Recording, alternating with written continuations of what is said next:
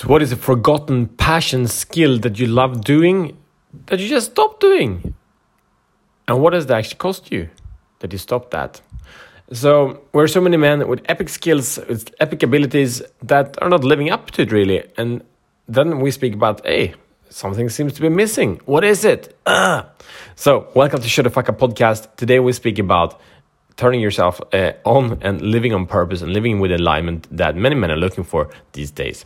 And I, sh I share with you uh, an important key, but we'll get, get, dive much deeper into that experience.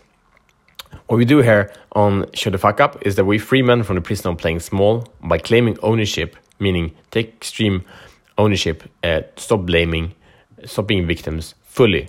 Because all men actually are victims. If you die enough, deep enough, Everyone is a victim in one way or another. So uncover that and invite you to take more ownership and, and have more fun, live uh, with light, live, live with love, and uh, you really design the life that you desire and deserve.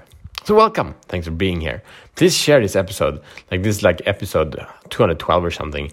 And it's been an amazing journey. So thank you for being here, listening and supporting. It means a lot to me that you're here, and we are a, a, small and growing community, and it's just epic. So thank you so much. so, uh, what is the thing that you stop doing, right? So there's so many things that that we get to try these days, and some stick, some don't. And and for me, I, I just an amazing, powerful afternoon and evening yesterday with a, a new kind of we can call it a men's group, but it's very very special because this is this is group that comes from a sacred uh, spiritual path, and uh, that path is very like it's it's, it's a nature based path, like a shamanic path, and uh, so we're out in nature doing things. And we started a, a, men's group from from the people involved in that. And it's really beautiful because it's really hands on i've been in so many men's groups the past you know 12 years or something like that. And it's all been very, very, very powerful in different ways. I learned a lot. But the power of this is really like it comes so natural. So, what comes there so naturally is, is to work together, it's to be in community together. Uh, so, for me, that's just really healing. To, to work. Yesterday, we were working with wood, uh, we were carving and collecting and fixing wood. And that's awesome. And then we're talking and and spending time. And then we made food, and then we made some prayers, and and it's just beautiful. So for me, the thing that I would say partly that it's forgotten is the value of working with my body because I work a lot with my mind. I'm connected to my body when I do that, but really I work out, but really have working with my body in that sense. It's so beautiful. It always grounds me so much, and especially do it with a group.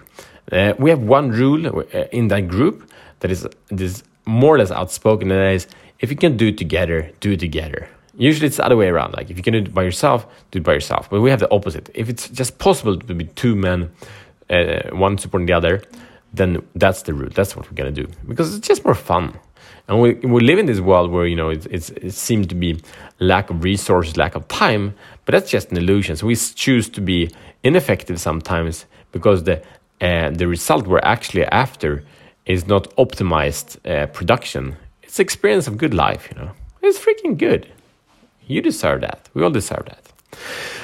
Uh, so other things that, that I love doing, I'm, I'm quite good at, you know, being out in, in, in, in nature in general, like a forest and, and adventure and, you know, forest kind of basic survival skills. I'm no expert at all, but I can handle myself better than most city kids anyway. something like that. But really, it, it, what I experience doing these things that I don't spend as much time as I would like to, and like on my way integrating it, it gives ease and relaxation and gives the confidence. Like ah, I can actually do this thing. You know, it's, way beyond just being this this hopeful beginner. Like I can actually manage this at quite a reasonable level and so it gives the confidence gives the grounding. And and again the when we come to the place that i live a life that is aligned with my thoughts and my action my habit these are all in one alignment. It's so empowering. So question today is simple. What can you do today to start becoming more of who you are by start remembering things and integrating things in your life that you're quite skilled at and that you love doing. And and and uh, best way if you can do it with other people. Okay.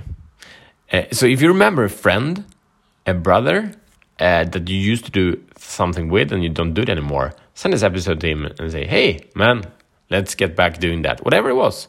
It doesn't need to be serious. You don't need to do it forever. Do it once and see what happens. All right. See you tomorrow as better men.